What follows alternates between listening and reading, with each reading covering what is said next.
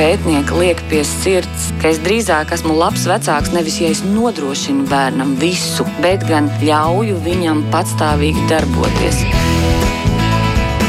Mēs tiekamies ģimenes studijā.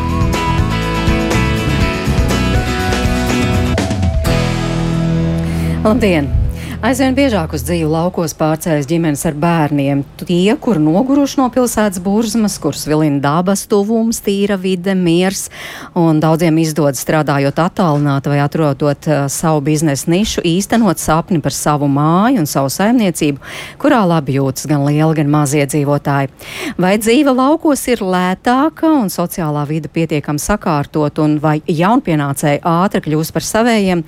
Tūlīt es mairidz notiņu sarunāšos ar tiem drosmīgajiem, kur šobrīd dzīvo laukos, gan arī ar pētniekiem, kuri mēģina noskaidrot, kādas tad ir šo ģimeņu īpašās vajadzības.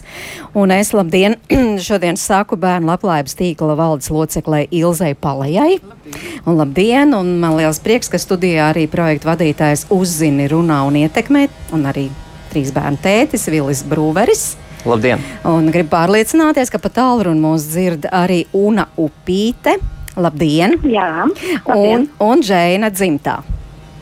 Labdien! Labdien! Jūs abas esat trīs bērnu mammas, kuras ir tās drosmīgās, vai kur ģimenes ir tās drosmīgās, kuras pārcēlušās uz dzīvi laukos, tāpēc arī sākšu tieši sarunu ar jums. Un vēršos pie jums, cik ilgi jūs dzīvojat Usmā? Um, es pats personīgi šeit dzīvoju visu bērnību, un uz Rīgu pārcēlos studiju sakarā.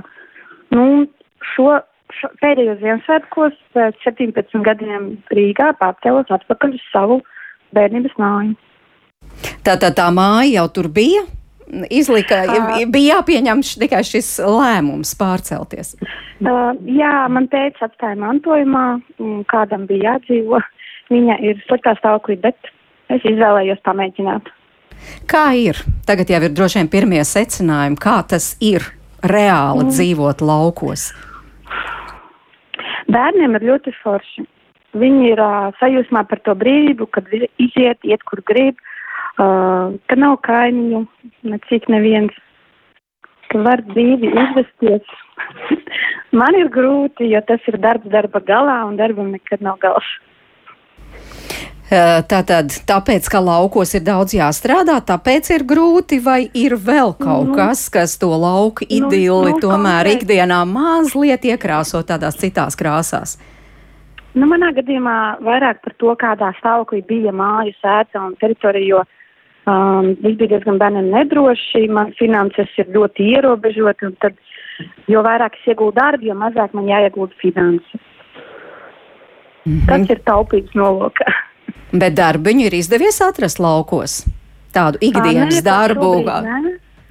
šobrīd nē, man arī, nu, es esmu uzskaitēju kopš jūnija beigām bezdarbniekos, kad man beidzās bērnu kopšanas atvaļinājums. Bet jums vismaz ir kādas idejas, un, ko nē, tālāk? Nav nekādas, nē. Līdz uh, decembrim kaut kas jāizdomā. Nu, cerēsim. NVA man cenšas palīdzēt, bet viņi īsti pagaidām plāta rokas un nezinu, ko darīt ar manām prasmēm, kas ir klienta apkalpošanas joma principā. Labi, Džēna, iepazīstamies arī ar jums un jūsu ģimenes stāstu. Cik sen tad esat laukos? Um, nu, es gribētu teikt, tie nav gluži lauki, tā ir mazpilsēta, un mēs šeit dzīvojam četrus gadus nu jau. Kā ir, kā ir dzīvot mazpilsētā, tā ir viesīte?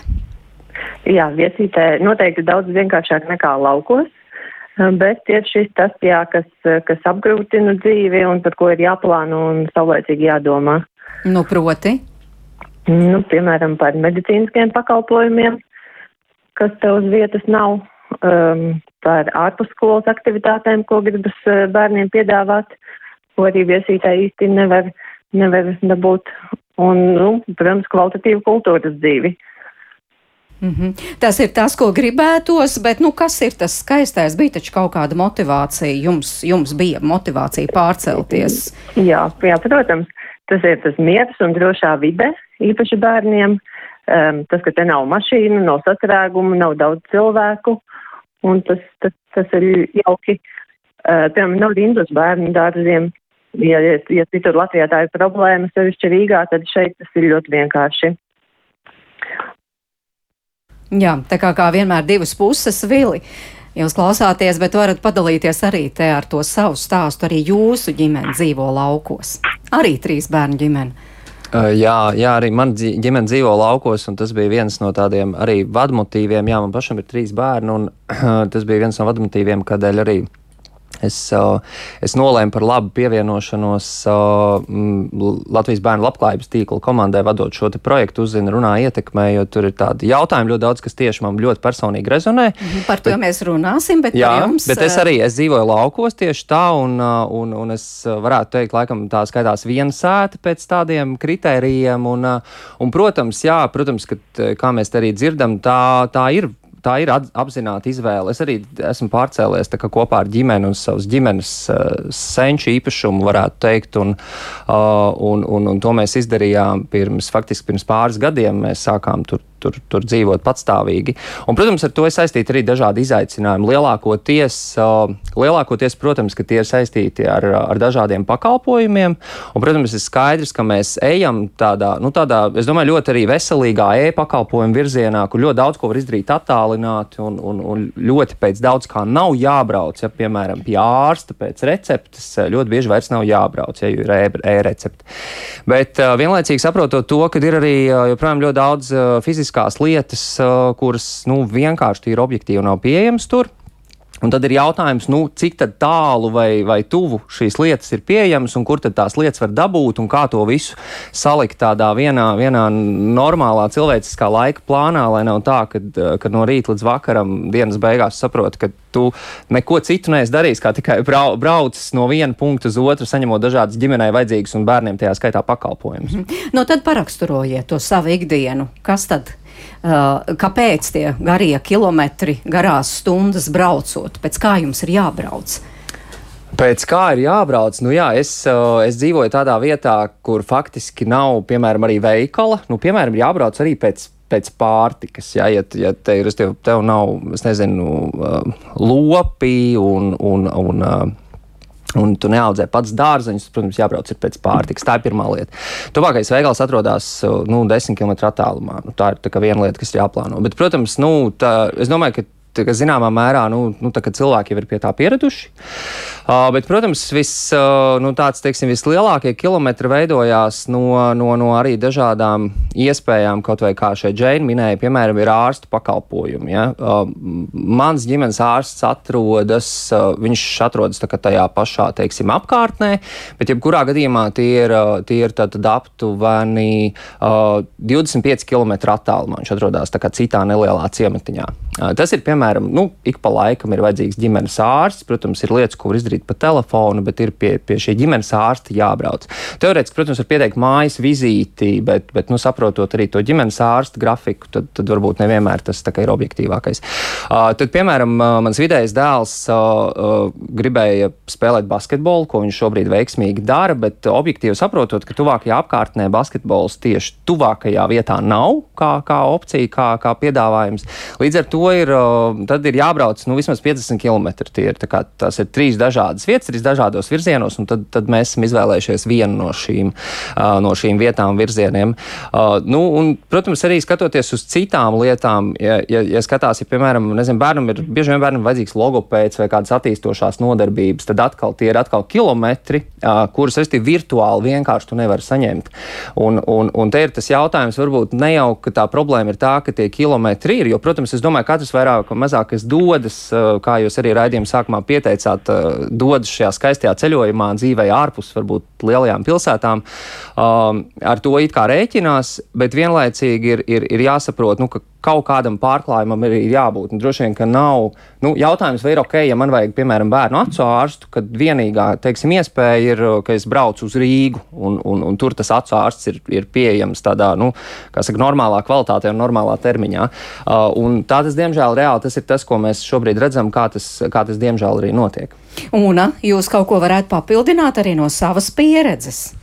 Jo es nu, pieņemu, ka tur uzmā arī nav visi nepieciešamajā pakalpojumi, turpat rokas stipienā attālumā. Jā, nu mums ir salīdzinoši pācies, ka mums ir viena ciema boda, viena kilometra attālumā, bet tā kā tas ir monopols, tad uh, cenu dēļ bieži visi izvēlās braukt uz pilsētām, jo cenas ir kosmiskas. nu, pieņemsim, paka olu tuvu 3 eiro. Labi, bode kā ar tiem veselības Jā, aprūpas pakalpojumiem vai izglītību. Um. Piemēram, es zinu, ka jūsu vecākais bērns šajā rudenī dosies uz skolu. Jā, tuvākais skola un dārziņš ir blakus ciemā, apmēram 13 km. Pašvaldība nodros, nodrošina busiņu, bet iesākumā es plānoju vest pati, cik varēšu, jo mēs esam tajā maršrutā pirmie. Un uh, tā kā uh, mums būtu 7.10 jābūt uz busiņā, jā, man jāieliek bērnu busiņā. Bet, ja es braucu ar mašīnu pati, tās ir 15 minūtes ceļā, un tā tad es varu izbraukt bez 5-8. Mm -hmm. Tā kā ir atšķirība. Ārste tāpat 50 km. Um, at, nu, piemēram, šobrīd man bija trim bērniem jākārto visi dokumenti medicīnas, lai, um, kas nepieciešami dārziņiem un skolai. Un tas nav vienā dienā izdarams. Tā kā Zemspils tālsi tie ir 30-50 km vismaz reiz nedēļā. Un attiecīgi pārtika vēl jāplāno. Bet vai jūs ar to bijāt rēķinājusies? Jo tomēr ā, daudz ģimenes dodas ar, uz laukiem ar domu, Jā, ka protams. mēs ekonomēsim, ka dzīve laukos būs lētāka. Nu, man sāk ekonomēt uz īres maksu, jo ir arī gādīja kosmiska īres maksa un, un komunālie. Tāpēc es vienkārši pārvirzu līdzekļus, ietaupītos no tā uz ceļu, uz nepārtrauktiem degvielas tēriņiem. Nu tad kā? Plusi vai mīnusi ģimenes budžetā? Kā tad ir? Es grūti viennozīmīgi pateikt. Es, es joprojām neesmu nonākusi pie secinājuma. Džēna, varbūt jūs ģimene ir paskaitījusi, kā tur iznāk plusos, mīnusos, kā īsti ir. Tas kaut kā kompensējas man šķiet, jo sanāk, no vienas puses dzīvot lētāk, jo tev nav to kārdinājumu apkārt un, un, un iespēju. Tev ir rūpīgi jāplāno, kad tu dosies uz kādu pasākumu vai kur tu brauksi, un tad ieplāno kaut ko vairāk tajā vienā reizē. Uh, tad tādā ziņā sanāk ietaupīt. Mhm. Jā. Nu, starp citu, es paskatījos, tu pilnīgi nejauši atradu arī tāds pētījums, nu, piemēram, Dānijā, uh, kur arī ir attīstīta bagāta valsts. Tur ir līdzīga tendence, ka aizvien vairāk ģimeņu ne tikai grib dzīvot pilsētā, bet tieši pretēji dodas uz laukiem, un tad arī tur tā, uh, ka tas ir lētāk ģimenei, var ietaupīt, un arī otrs, ka ir vairāk laika, vairāk laika saviem hobijiem un tam līdzīgi. Varbūt tāpēc, ka tur dzīve ir sakārtotāka, ka tā ir bagātāka valsts. Jo es saprotu, ka arī bērnu labklājības tīkls uh, uzklausīja tieši vecākus ģimenes, kuras dzīvo laukos, kuras ir izvēlējušās šo privilēģiju dzīvot laukos un apkopojāt, kāda tad, kāds tad ir viņu redzējums. Ilzi, kādi ir secinājumi, jo jūs tādu provokatīvu nosaukumu dodat tiem savam pētījumam, vai dzīve ārpus lielajām pilsētām ir turīgo ģimeņu privilēģijas. Starp citu, šo jautājumu gribu adresēt arī mūsu klausītājiem. Varbūt kāds klausās un var uzrakstīt arī savu ģimenes pieredzi. Jā. Bet vai tas neskan provokatīvi tomēr? Tas droši vien sk skan provokatīvi, un, un man liekas, ka tā tur arī ir sava tāda taisnība tajā, tajā jautājumā. Jo mēs arī šobrīd dzirdējām no, no ēterā esošajām ģimenēm, ka faktiski ir ļoti dažāda tā pieredze. Man liekas, ir ļoti jauki un brīnišķīgi, ja ģimene to spēja un spēja samaksāt šos ceļu izdevumus, bet ne visas ģimenes ir turīgas un vai arī pietiekoši tādos nu, normālos apstākļos, ka viņi to visu var nodrošināt. Un mēs caur savu organizāciju, caur bērnu labklājības tīklu faktiski mēģinam izcelt un parādīt arī tās lietas, kad nu, kur ir šīs problēmas, ka, ka bērniem mēs nevaram nodrošināt to, ko pēc viņu vajadzībām vajag. Un, ja mēs runājam par to, ko mēs esam secinājuši, tad mēs viennozīmīgi redzam, ka Diemžēl ārpus lielajām pilsētām ir grūtības gan šeit minētajās veselības lietās, ja ka faktiski labi ir primārie veselības ārsti, kas ir mūsu ģimenes ārsti, kas arī izskatās daudz kilometru attālumā dzīvo, ja, kā, kur Vilas dzīvo. Un, un, un ne viņš vienīgais, es domāju, bet nākošais arī ir tas, ka bērniem bieži vien ir kādas citas veselības vajadzības. Varbūt ne tādas ļoti sarežģītas, kas ir ļoti specifiskas, kur tiešām ir tikai pakalpojumi, varbūt lielajās pilsētās, bet ir mūsu bērni šobrīd ir gan alerģiski, gan dažādas citas tādas vieglākas lietas, kas ir vajadzīgi. Mums ir vajadzīgi zobārsti, acu ārsti alergologi un tā tālāk, kas faktiski mm, arī tuvākajās lielajās pilsētās nav pieejami šie speciālisti. Vai arī, ja viņi ir, tad ir ļoti lielas un garas rindas, eh, lai varētu pieteikties uz konsultāciju un saņemt šo palīdzību. Kas bieži vien arī tā kā šo problēmu pāsina, jo ilgstoši varbūt arī neiet pie, pie ārsta un to problēmu varbūt kaut kā saulēcīgi neidentificē. Tā ir veselības lieta. Mhm. Nākošā lieta. Varbūt apstājamies pie tās Jā. veselības lietas. Vili varētu kaut ko vēl papildināt, jo varētu jau teikt, ka arī Lielajā Rīgā, tie, kas dzīvo Lielajā Rīgā un jau pie speciālista grib tikt tāpat, kā mēs zinām, gaidām uh, vizīte pēc diviem mēnešiem. Jā, nu, nav jau nekas protams, īpaši protams. citādāk. Mm -hmm. Uh, pro, protams, ka tas, uh, tas tā ir. Šeit, ir. šeit ir vienkārši viens aspekts, ja, ja, ja ģimene ar bērniem dzīvo, uh, dzīvo nosacīti. Man negribās lietot to vārdu attālās un mazāk attālās vietās, jo tad mēs pieņemam, ka kaut kur ir ļoti spēcīgs centrs, ja, bet, bet nosacīt. Mēs katrs esam, mēs katrs varam būt pasaules centrā, bet tomēr, uh, ja mēs skatāmies tad geogrāfiski, tad šeit ir, man liekas, ka problēma, ka ģimenē ne tikai varbūt ir, ir, ir jāplāno šis laiks, uh, laika resursi, bet arī ir jāplāno attāluma resursi, jāplāno kilometri, un, un tas ir tas, piemēram, kur, kur arī mēs arī šī projekta ietvaros uzzina runā ietekmē runājām ar, ar, ar četrām ģimenēm dažādās Latvijas vietās, tā bija viena no tām lietām, ko ģimenes teica vienkārši fiziski ģimenē ar maziem bērniem vienkārši fiziski ir, ir grūti. Pat ja viņiem ir mašīna, pat ja viņiem ir nauda degvielai, ir fiziski grūti aizbraukt ar bērnu līdz, piemēram, līdz Rīgai piemēram, nezinu, 200 km. Uh, tas bērns vienkārši, ja tīpaši, ja tas ir mazs bērns, nu, piemēram, bet, protams, ka to, to ģimenes dara un tā ir ikdiena jautājums, vai šeit pastāv vēl kādi citi risinājumi. Tas, ka cilvēki to dara, tas ir skaidrs, bet, uh, bet jautājums ir tāds, vai tā tam būtu jābūt, vai, vai, vai, vai teiksim, mūsu sabiedrība un valsts iekārta ir gribējusi, lai tā ir, lai patiesībā, nu, un šī bezmaksas vizīte patiesībā ģimenei uh, maksā dārgi, jo neiet runa tikai par, tikai par autotransportu mm -hmm. un, un, un degvielu, iet runa arī par laiku, kur, kur, kur vecāki mm -hmm. nevar, kur vecāki nevar veltīt darbam, jo viņi tajā brīdī brauc, viņi brauc visu dienu turp un atpakaļ, mm -hmm. un vēl es nezinu, ēda, nu, ēda hotdogus pa ceļam, ja visticamāk. Mm -hmm.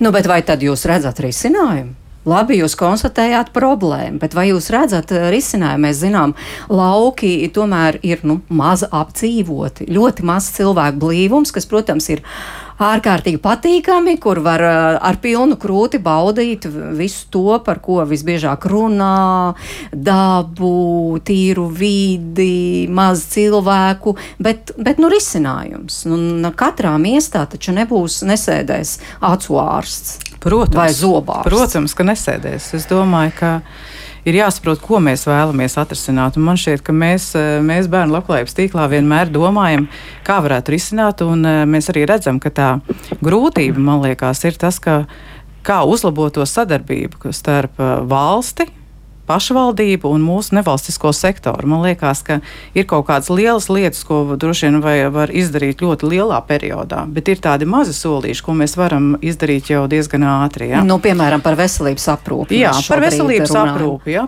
Pieņemsim, mūsu organizācijā ir. Um, Bērnu labklājības tīkls sastāv no vairākām nevalstiskām organizācijām. Mēs esam apvienojuši organizācijas no Eh, no visām jomām, kas skar bērnu. Gan izglītību, gan veselību, un arī sociālo sfēru. Tātad visas lielākās nevalstiskās organizācijas mēs apvienojāmies, jo mēs redzam, ka valstī ir tā grūtība. Tā kā, sistēmiski skatīt, jo bērns tomēr nav tikai vienā jomā. Ja? Faktiski bērnam ir vajadzības gan tur, gan tur, gan tur. Un tāpēc arī mēs eh, esam apvienojušies, un viena no mūsu organizācijām ir tāda mobilā ārstu. Uh, nu, mēs viņu, sakot, oficiāls nosaukums ir uh, Ronalds McDonald's Charity House, mobilā brigāde, kas nozīmē to, ka uh, šī organizācija sadarbojās ar bērnu slimnīcu un citām, uh, cit, citiem speciālistiem no citām slimnīcām un faktiski ved ārstus uz lauku teritorijām un arī uz lielajām pilsētām,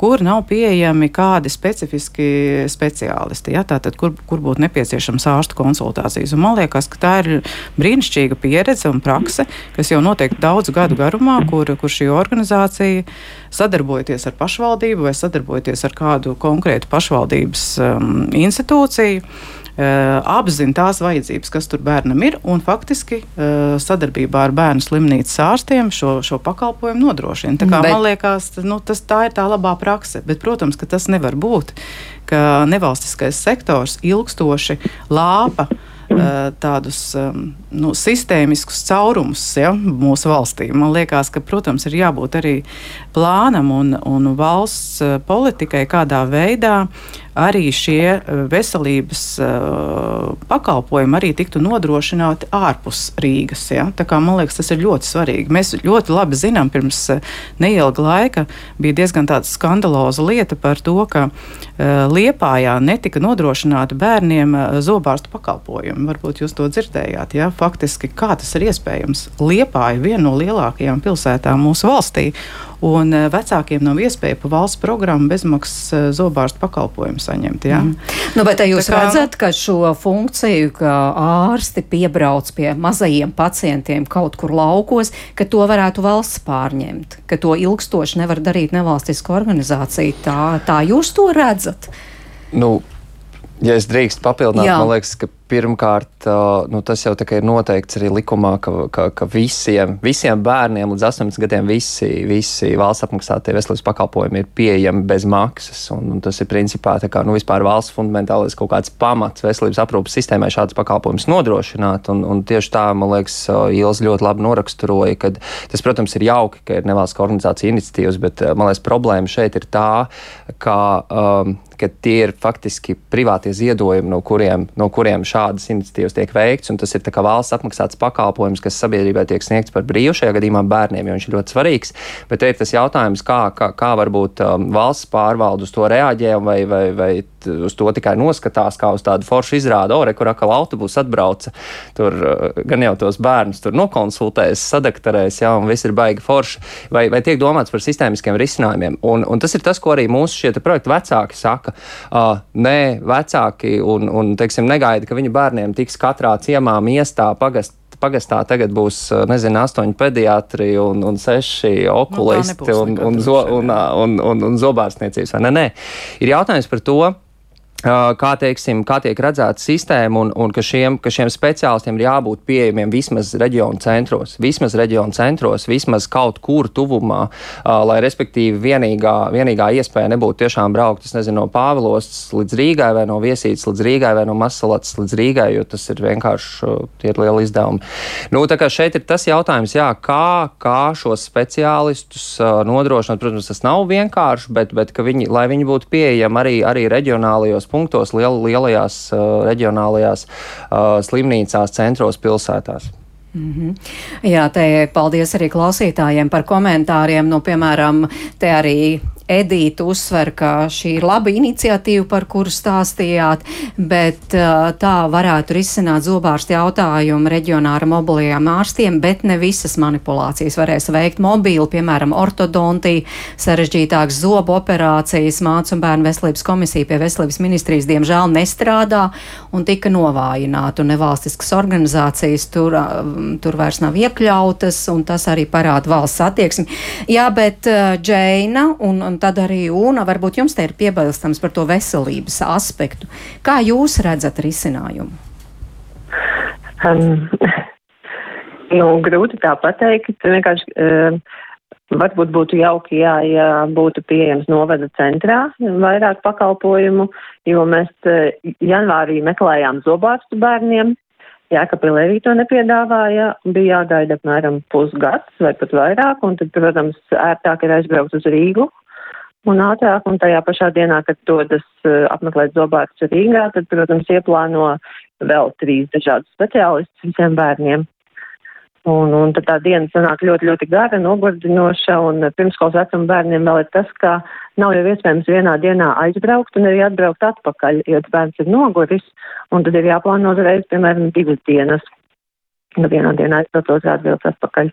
Lūk tā, bet risinājums varētu būt, jā, ka novada centros nodrošinātu vismaz uh, kaut kādus pamat, uh, pamat uh, ārstus pakalpojumus. Mm -hmm. Una?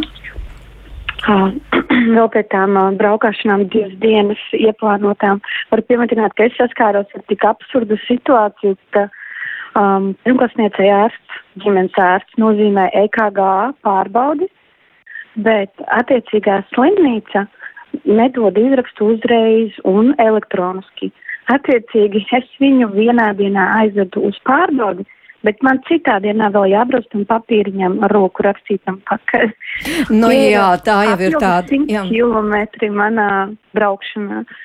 Um, risinājums es neredzu tiem speciālistiem, es neredzu, kā viņus dabūt laukiem. Es domāju, ka tas ir ļoti apgrūtinoši, bet labā praksa, man liekas, kā mūsu ģimenes ārsts ir uh, izveidojis, ka viņai ir māsiņa un ārsta palīgs. Un mums, piemēram, ģime, uh, ārsta palīgs pieņem katru pirmdienu un trešdienu kilometru attālumā pagasta centrā. Un pat ģimenes ārsts katru četrreiz mēnesī arī tepat tā kilometru attālumā. Tas man liekas ļoti pozitīvi, jo es zinu, ka citiem tik glauni nav un ērti. Vai jūs to pašu varētu teikt arī par aptieku? Arī tas ir pakalpojums, kas ir tomēr Jā, bieži aptiek, nepieciešams. Aptiek ir, aptiek ir blakus ciematā. Un nav sezonā sēdienā. Tas dažreiz ir apgrūtinoši, jo mēdz uzlikt tā temperatūra tajā sēdienā un nav man tas nurofēns. Nu, tad ir, bet laukos ir tā mm, priekšrocība, ka kaimiņi pazīst, paziņas ir daudz, un tad sestdienās, nu, tad ir zvans tuvākai ģimenei, kur tu zini, kur ir bērni, kur tas norufens varbūt apcieciņā ir. Nu, re, tā ir atkal lauka dzīves priekšrocība. Jā. Jā. Es atgādinu mūsu klausītājiem, ka tātad šodien ģimenes studijā runājām par uh, ģimeņu dzīvi laukos. No vienas puses patiešām brīnišķīgi vasara, tagad uzburam skaistās ainiņas, tur, nezinu, ezeri, koki, vējš, šalts un tam līdzīgi. Bet no otras puses, protams, tā reālā dzīve, dzīvojot uz vietas, ģimenei vajag gan ārstā, gan dažādus citu mediķu pakalpojumus, kā mēs dzirdam. Protams, arī ģimenes domā par to, kā mm, saviem bērniem nodrošināt pēc, labā, pēc iespējas labāku izglītību un arī, lai būtu, nu, piemēram, kultūras pasākumi pietiekami kvalitatīvi pieejami. Par to mēs arī turpmāk runāsim. Es atgādinu, tātad pie mums šodien studijā ir bērnu labklājības tīkla valdes locekla Ilze Paleja, arī projekta, projekta uzzini runā un ietekmē vadītājs Vilis Brūveris, un pat tālruni mūsu sarunā iesaistījušās divas mammas, kur ģimenes dzīvo laukos, proti trīs bērnu mamma Una Upīta un trīs bērnu mamma Džēna dzimtā. Un ieskatoties tas, ko raksta mums klausītāji, Nu, piemēram, māja rakstā, man dzīvojot tikai divus kilometrus no mazpilsētas centra, visvairāk trūkst drošs un asfaltēts ceļš, lai tad, kad bērni izaugs, viņi varētu pastāvīgi braukt ar riteņiem uz pilsētas centru, un vecāki ar vadāšanu ļoti zaudē laiku, ja visu laiku stūrē. Un tad arī tāds jautājums ir. Tā, uh, Raimons jautā, vai vecāki, kur dzīvo laukos, ja precīzāk reģionos ir rēķinājuši, kādas tad ir tās gada izmaksas braukājot ikdienā uz skolu, pie ārsta, uz veikalu, un vai dzīvojot nomaiņus nepārņem vientulību sevišķi rudenī un ziemā, un cik tālu no mājām ir autobus un vilciens. Nu, re, Raimondam droši vien arī jau rosās galvas domas galvā, ka varētu tajos laukos, bet reāli kā tas ir. Nu jā, par tiem kilometriem, Bili, jūs visvairāk runājāt, jūs varbūt esat arī parēķinājis. Mm, kilometru noteikti ir daudz. Nu, kilometri, protams, veidojās jau, es saku, ne, ne tikai no tā varbūt bērnus vadot, bet arī, protams, darba lietās dažādās pārvietojoties. Un, un tie kilometri ir fantastiski. Viņi tiešām ir fantastiski, un, uh, un, un es domāju, ka to katrs, uh, katrs kas, kas vairāk vai mazāk dzīvo laukos, arī saprot. Protams, tas ir, tas ir uh, lielā mērā ir atkarīgs no tā dzīvesveida, kas ir izvēlēts, jo, jo, jo, jo arī, arī laukos tās dzīvesveidi, kā saka, iespējas un gradācijas var būt ļoti, ļoti dažādas. Es domāju, tas, kas, ja godīgi, kas mani tiešām uztrauc, varbūt ir, ir viens, protams, šie vecāku nobrauktie kilometri un, un, un tie, tie daudzie jautājumi, kas rodās un uz kuriem īstenībā neviens nevar atbildēt. Nu, piemēram, piemēram, viena, viena arī no ģimenēm, ar kuru mēs runājām, projekta ietvaros Latvijas bērnu labklājības tīklā, uh, bija no Masalats. Un, piemēram, iedomāsimies situāciju, kad uh, ir kāds pulciņš, kas šobrīd jaunajā novada centrā Valmierā tiek piedāvāts teorētiski, viņš ir pieejams visiem tātad novada, novada bērniem, un, bet šis pulciņš ir Valmierā. Tad ir jautājums tāds, kā piemēram Masalats bērns nokļūst līdz Valmierai, tad, kad viņam beidzās skola Masalacā. Viņš, viņu tā kā neviens, nu, teiksim, nesava, nav nekā kāds organizētais transports, kas viņu savāktu. Līdz ar to tad, A variants vecāki paši viņu ved turp un atpakaļ. Tas kopā veido 100 km. Jautājums, ja cik to var? Ja viņi to var, ja viņiem ir uh, auto, personīgais transports un ja viņiem ir, ir, ir degviela. Bet jautājums ir, ir, ir, cik ilgi jūs to darīsiet? Ja, piemēram, tas pulciņš, kurš ir ne, divas, trīs reizes nedēļā, jūs tiešām divas, trīs reizes nedēļā vedīsiet savu bērnu turp un atpakaļ. Mm uh, 100 km. Uh, kaut kādā mērā es varu teikt, es tā daru. Man, es jau minēju, piemēram, piemēram mans vidējais dēls uh, spēlē basketbolu, un, un patiešām mēs ar viņu braucam divas, nu, vismaz divas reizes nedēļā mēs cenšamies braukt, un tie ir arī šie paši 100 km. Bet, bet, protams, ka tā ir mūsu motivācija. Bet jautājums ir par sistēmu, vai šāda sistēma ir atkal, es varbūt atkārtošu, šāda situācija tas, ka tā notiek, ir skaidrs, tā notiek, un to mēs dzirdam no dažādiem piemēriem. Mm. Vai, tas ir, vai tas ir labi un vai tas ir pareizi? Kas vēl man uztrauc par kilometriem runājot, mani ļoti arī.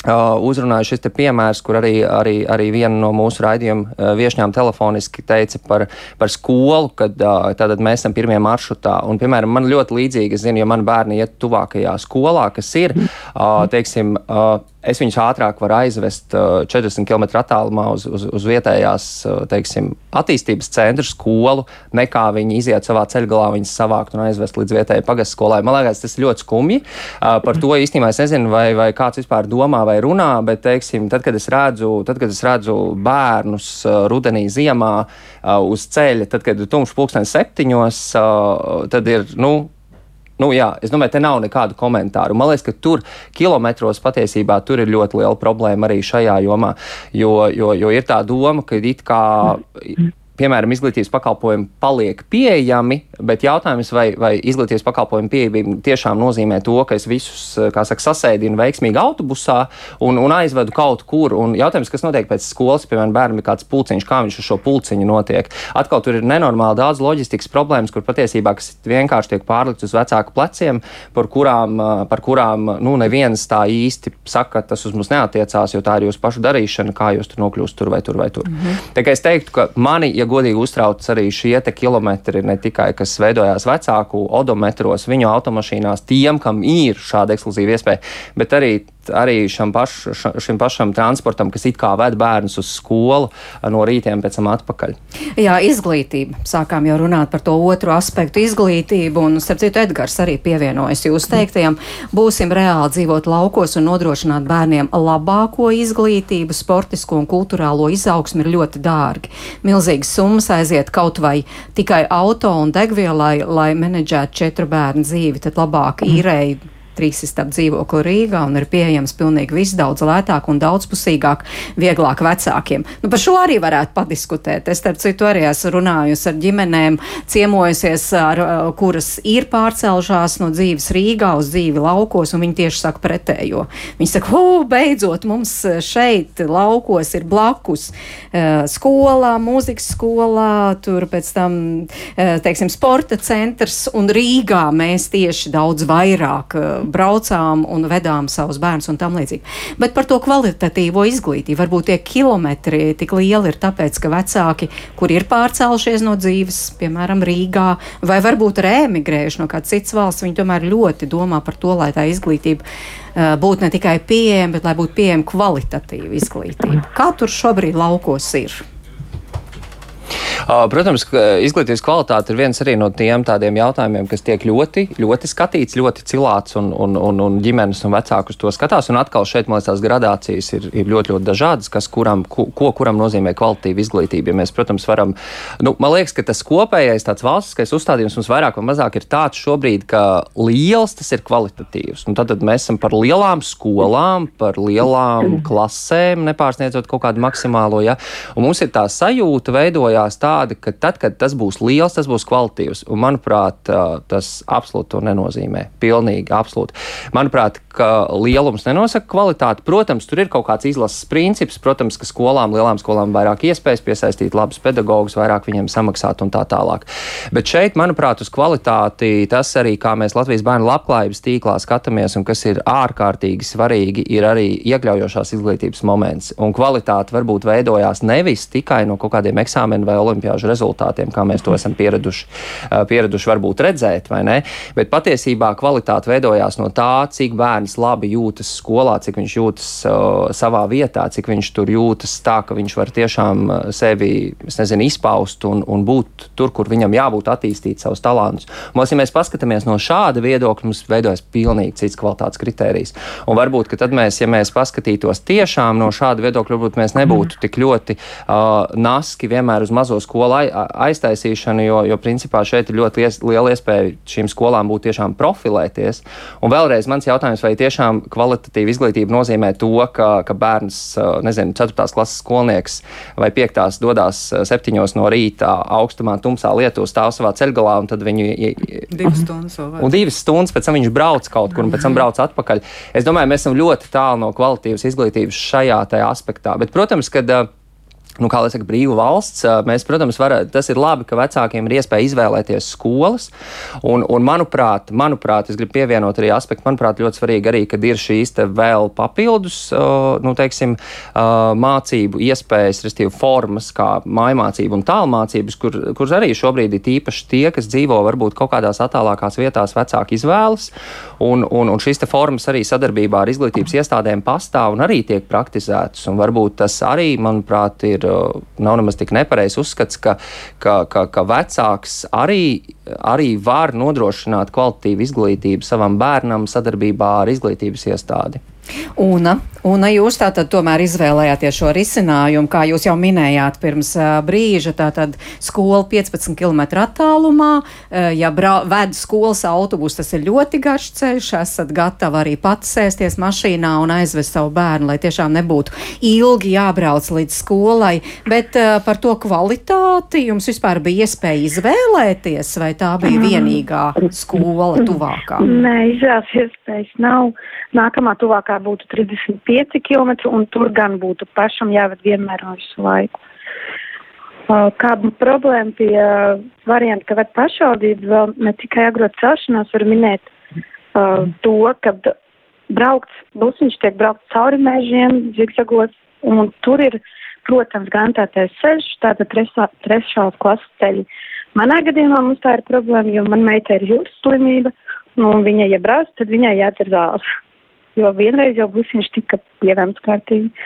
Nu, tā, tāpēc tā alternatīva ir lētāka, bet uh, nu, tas ir koks ar diviem galiem.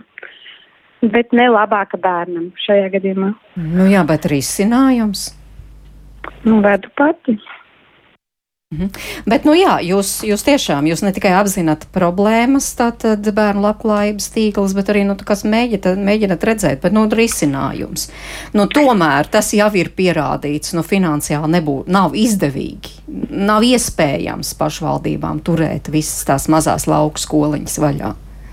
Bet tad ko? Pru Protams, protams, ir skaidrs, ka ir jānotiek kaut kādām pārmaiņām, un, un, un, un nu, mēs nosacīt nevaram turpināt arī tā, kā mēs esam šobrīd, tādā, teiksim, pie, pie, pie šiem apstākļiem un pie šīs saraušanās. Bet ir skaidrs, ka tas, ja godīgi, ko mēs esam secinājuši šajā projektā un kas uztrauc varbūt visvairāk, ka um, ka pārāk maz tas tiek tā analizēts tiešām no tāda analīzes viedokļa. Nu, piemēram, par pakalpojumu pieejamību, piemēram, analīzi, kur kādi veselības aprūpas speciālisti ir, kur, kur, šie, kur, kur, kur viņu nav, kur viņi ir nepieciešami, kāds ir tas pārklājums. Ja? Nu, kaut kāds sistēma modelis, kaut kāda skaidra spēles noteikuma. Nevis principā, ja man vajag, es nezinu, izglītības iestādi, tad es tur tā, kā, nu, sāku no viena gala meklēt, vai ja man vajag šādu speciālistu, tad zvanos uz visām iespējamām veselības aprūpas iestādēm un, un prasu, vai jums tāds ir un kad pie pie viņa var tikt un tā tālāk. Tad šī, šī ir tā lieta noteikti. Eh, es domāju, kas. Um, vēl risinājums par ļoti daudzām lietām, varbūt, kas neskar tieši tādas valsts regulētās un nodrošinās. Tur arī, tur arī paši vecāki saka, pašas ģimenes arī saka, uh, daudz ko varētu risināt kopienu līmenī. Nu, piemēram, uh, interešu izglītības jautājums ir tāds, ko varētu risināt kopienas līmenī, kur kopiena pati uh, izveido kādu piedāvājumu saviem bērniem un, un, un to, arī, uh, to arī nodrošina. Kultūras... Vai arī vienojas, piemēram, ka kāds ved visus piecus tos kilometrus turp un atpakaļ, kas, protams, iznāk lētāk nekā kā vest katram savu. Vai arī skolotājs. Jā, nu faktiski jau kaut kāda risinājuma ir, ko uz vietas var meklēt.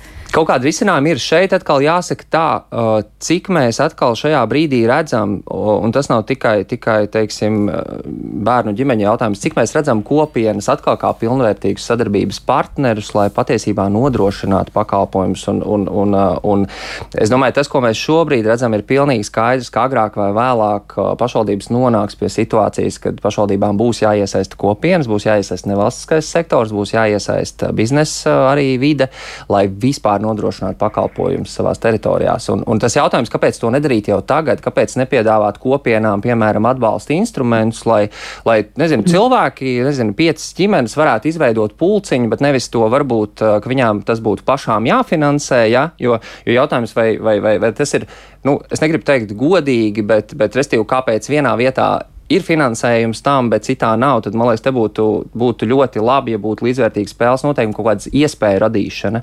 Principā iespēja radīšana uz vietas, uh, kur arī attiecīgi tiktu finansēta. Un, un manuprāt, tad arī ļoti, ļoti daudz problēmas atrisinātos. Tie nav vienkārši mm. modeļi, bet šie modeļi ir jāmeklē. Nu, jā, vēl es arī gribu papildināt, man šķiet, ka kopienas ideja kā tāda vispār ir diezgan tāda jauna un diezgan tāda, man liekas, nav attīstīta pie mums Latvijā. Man šķiet, ka mēs redzam citās attīstītās Eiropas valstīs, ka faktiski kopienas ir tās, kur, kur, kuru balsta, kur pašvaldības tomēr iegulda resursus un tomēr ļauj cilvēkiem pašiem darboties un saprast savas vajadzības, sadarboties ar vietējo pašvaldību un faktiski tad kopā domāt un kā mēs to varam risināt. Ja? -hmm. Man liekas, Jā. ka Jā, man liekas, ka arī tieši tie mhm. jaunpienācēji varētu tieši veidot tā. šīs kopienas, jo ienākot no malas, tā teikt, labāk mhm. izgaismojas tās nepilnības, un tad arī var uh, vērsties, piemēram, pie pašvaldības un mēģināt meklēt risinājumus.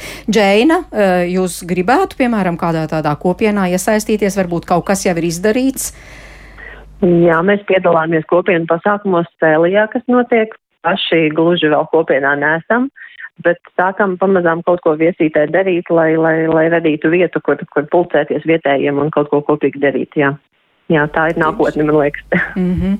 Jā, nu, es vēl gribu nolasīt tādu klausītāju Zanas repliku uz to, ko mēs te runājām. Zana raksta, esmu lauku bērns, kam paveicās dzīvot pavisam tuvu skolai, bet man bija skolas biedri, kas uz skolu gāja pa deviņiem kilometriem. Domāju, viņi būtu bijuši priecīgi, ka kāds busiņš viņus aizvestu, bet tajā laikā nekā tāda nebija. Par pulciņiem bija divi skautu un gaidas un tautas dējas. Vai nav tā, ka vecāki ir pārāk pārņemti ar pulciņu apmeklēšanu? Domāju, laukos ir simts un viena nodarba, lai bērniem nebūtu laika garlaikoties. Un šķiet, te vairāk ir ņemšanās uh, no laukos iebraukušajiem pilsētniekiem, jo gribas visas pilsētas dzīves ekstras dzīvojot laukos. es domāju, ka sabiedrība kopumā, man liekas, ir mainījusies. Varbūt tās vērtības, kas bija pirms. Uh, nu, es gribētu teikt, 50 gadiem, kur lau, laukos faktiski cilvēki vairāk dzīvoja viensētās un nodarbojās ar vi, savu individuālo saimniecību. Tas bija tāds, nu, ka pārmantoja ja, tās eh, vecāku tradīcijas un, un dzīvi laukos. Uh, viņas tiešām ir ļoti būtiski mainījušās. Man liekas, ka mūsdienu bērni un mūsdienu jaunieši tomēr mēģina sevi kaut kā atrast, un viņi vēlās nodarboties ar kaut ko, kas viņiem nākotnē varētu tiešām viņu virzīt uz priekšu. Man šķiet, ka tas tomēr nu, nevienmēr visi jautājumi ir viennozīmīgi. Man šķiet, ka ļoti. Tas ir ļoti individuāli. Es domāju, ka tas, ko mēs šeit runājam, tas ir būtiski, ka mēs varam ieraudzīt eh, to bērnu un arī tas, ko viņš vēlās darīt, un faktiski viņu motivēt un viņu, viņu virzīt uz priekšu, lai viņš tiešām būtu laimīgāks cilvēks un lai viņš pēc tam varētu arī izveidot savu ģimeni un arī savus bērnus audzināt. Man liekas, ka tas ir svarīgi, ka mēs to ieraugam un mēs to atbalstam. Nevis, ka mēs ieraugam un nespējam viņu dot, un faktiski, faktiski nu, bija šī arī aplaužama spārnus tam bērnam. Ja? Un tieši tas ir arī runājot Jā. ne tikai par veselības aprūpi, par izglītības pieejamību, bet arī par kultūras Protams. pieejamību laukos. Protams. Es atkal atgriežos, tātad uh, bērnu labklājības tīkls uh, runājās ar vecākiem, ar ģimenēm, kuras dzīvo laukos, un tur arī bija saruna arī par šo kultūras pieejamību. It kā jau ir. Nu, ir taču. Jā, tur bija dažādas tās replikas, un eh, tas, kas man tā ir, es atceros, ka mm. vecāki arī teica, nu, ka viņi tomēr vēlās nevis ņemt to, kas ir, bet nu, kaut ko arī saņemt tādu kvalitatīvāku. Ja? Tā kā nevis to, kas, kas tiek piedāvāts vietējā ciematiņā vai, vai mazākā pilsētiņā, bet faktiski arī bērniem parādīt kaut ko labāku un kvalitatīvāku. Ja? Tā kā tas ir ļoti dažādi. Vēršos pie UNAS Una, kā tur ir ar to kultūras pieejamību uh, uzsmā? Arī šajā, arī šajā ziņā manā pagastā konkrēti ir paveicies, ir ļoti laba kultūras dieva, mums ir ļoti aktīva kultūras dievas vadītāji, un cik es esmu dzirdējis atsauksmes, visi Ventspils novads diezgan aktīvi šajā schēmā, sistēmā šajā jomā darbojās. Kas man mm. patīk vislabāk, ka viss ir bezmaksas. Bet... Sākuma bērniem bezmaksas. Rīgā neko tādu uh, nekad neesmu īpaši uh, pamanījis tādas iespējas. Bet par to kvalitāti? Ir ļoti labi. Nu, neredzu atšķirību, kā rīko Rīgā, kā rīko laukos. Tas ir vairāk no tā rīkotāja atkarīgs. Mm -hmm. Džēna un Viesīte, kāda pieredze? Nu, mums pieredze nav tā pozitīvākā. Uh, ir daži pasākumi, kas notiek visu gada garumā, bet Eh, reizēm atbrauc arī kādas izrādes, un konkrēti pirms dažiem gadiem bija atbraucis cirks, un tad mēs, protams, gribējām aizvest bērnus un parādīt, kāds tad ir skaists jauks cirks, bet mēs vīlāmies, jo viņš bija ļoti, nu, ļoti nekvalitatīvs, jā. Salīdzinot ar to, kas ir redzēts un piedzīvots cits, un tad, nu jā, vienīgā iespēja sanāk vai nu braukt uz Rīgu, kas ir 150 km, vai uz Daugaupili, kas ir 100 km mazliet tuvāk, bet, nu jā, meklēt to kvalitāti tur un, protams, maksāt par to. Mm -hmm. Es domāju, ka, ka te iezīmējās jau ļoti skaidri tā, tā, tas viens atslēgvārds, ka mēs faktiski runājam par, par vienlīdzīgu attieksmi. Un, ja mēs skatāmies, tad, tad diemžēl jāsaka, ka Latvija ļoti, ļoti daudzās jomās ir tieši, tieši bēdīgi bēdīgi slavena ar nevienlīdzību, un, un diemžēl arī Covid pandēmijas laikā nevienlīdzība ļoti dažādās jomās tieši vēl vairāk sāsinājās.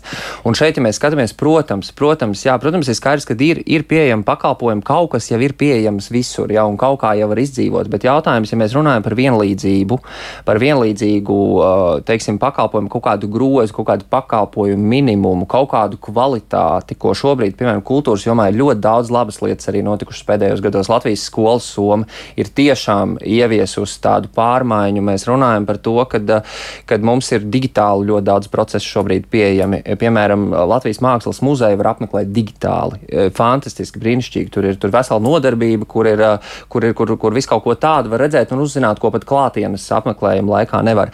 Un, un tie, tie ir tie labie kustību virzieni, bet jāsaka, ir, ir, man liekas, ka tā problēma, fundamentālā problēma ir tā, ka tie ir, es gribētu tomēr tos nosaukt par tādiem pilotu projektiem un tādām lietām, kas varbūt tikai, tikai kaut kā mazliet pie apvāršana kaut kur parādās, kā tāda labie piemēri, bet tā nav sistēma. Un šeit, man, manuprāt, ir, ir ārkārtīgi svarīgi, un tas ir tas, kur ir Latvijas bērnu labklājības tīkla mūsu kā, loma mazliet būt šim te uh, atgādinātājam, bikstītājam, sarksunim un teikt, uh, veidojam vienlīdzīgu sistēmu, jo, jo tas nav ok, ja es dzīvoju lielā pilsētā, man šie pakalpojumi ir pieejami, izmaksā ļoti lēti, un ja es dzīvoju kaut kur nezinu, 200 km no galvaspilsētas, tad pēkšņi man šie pakalpojumi vairs fiziski pat nav pieejami. Un vēl, kā saka, nu, ja man nav savs transports un degviela, tad principā vispār, ko, ko, es, ko es te vispār daru? Labi, arī zinām, jā. kā citās valstīs faktiski pieņemsim, nu, jūs zinat, ka uz salām parasti cilvēki maz dzīvo, ja? Tad ko dara valsts? Valsts faktiski iegulda resursus un subsidē, lai cilvēki tur paliktu, lai viņi veidot savas mājas un lai tur būtu ģimenes ar bērniem. Ja? Man šķiet, ka tas ir kaut kas ļoti līdzīgs jādara arī pie mums, jo mēs redzam, ka ir teritorijas, kas ir ļoti apdzīvotas un ir tomēr tādas lauku nomaļas vietas, kur faktiski cilvēki tiešām dodas projām, jo nav pieejami. Un es domāju, mums ir laiks iet uz beigām, mm -hmm. bet mhm. man šķiet, ka ļoti liela tēma ir bērniem skola un it īpaši tiem bērniem, kuriem kaut kas īsti labi neveicās, ka viņiem kaut kas neiet vai nu mācībās, vai uzvedībā, vai ir kādas citas grūtības, kur ir vajadzīga atbalsta personāls, specifiski skolotāji. Man šķiet, tā ir arī ļoti liela tēma, ka tas viss ir ļoti saistīts savā starpā. Jā, nu ļoti jauki, ka šis te bērnu labklājības tīkls uzņems to bikstītāju lomu un ka varbūt kāds arī jūs sadzird un paskatās uz šiem jautājumiem no tādas puses, un tur ir arī ļoti liela pašvaldības ieinteresētība, jo ja pašvaldība komunicē ar saviem iedzīvotājiem, tad tur lietas bieži vien arī labāk, vismaz daudz labāk notiek, un cilvēki vēlas dzīvot laukos, jo visa sabiedrība, es domāju, ir ieinteresēta, lai Latvijas lauki nevis tukšotos, bet lai tur būtu uh, ne tikai, es atvainojos, seniori, ļoti, ļoti cienu jūs, bet arī ģimenes ar bērniem. Bet vēl man ir jānolasa Raimonda replika, kā pēdējā mūsu klausītājs rakstā. Man nav pārliecības, ka lielākā daļa vecāku vispār jautā bērnam, vai viņš grib dzīvot mežā vai lauka vidū, kur reizēm pat nav kaimiņu, bērnu, ar ko socializēties vai lūgt palīdzību krīzes brīdī. Vienkārši izdomā un dara. Es liecos domāt, ka kvalitatīva dzīvošana laukos ir tikai un vienīgi elitārs pasākums. Un jums viens teikums atbildēja, un pēc tam arī Džēna, un tad mēs beidzam raidījumu. Ko jūs atbildētu Raimondam? Jā, tad Tā bija man viena no lielākajām uztraukumiem, ka būs par maz socializēšanās, jo es pati šeit augu tieši tajā vecumā, kā man tagad bērni. Un uh, man tas trūka toreiz, tāpēc es ļoti tam pievēršu uzmanību, regulāri aicinu ciemiņus, regulāri meklējumu, kur ciemoties pašiem. Un šo, šobrīd problēmas šajā neredzu. Džēna, ko jūs atbildētu Raimondam? Es teiktu, ka vienkārši rūpīgi jāplāno, ir vajadzīgs savs auto, un katrs notikums un, un kāds pasākums ir kā liels piedzīvojums gan sev, gan bērniem. Paldies, paldies! Es saku raidījumu dalībniekiem Unai Upītē, Džēnai Dzimtajai, Vilim Brūverim un Ilzē Palējai. Un jums paldies, protams, ka klausījāties un iesaistījāties mūsu sarunā. Raidījuma producente Ilze Zvaigzne, Kristaps Rūņas pie skaņu pults un es mērķis notiņu pie mikrofona. Tiekamies rīt un lai jums laba diena! Visu labu! ģimenes studija.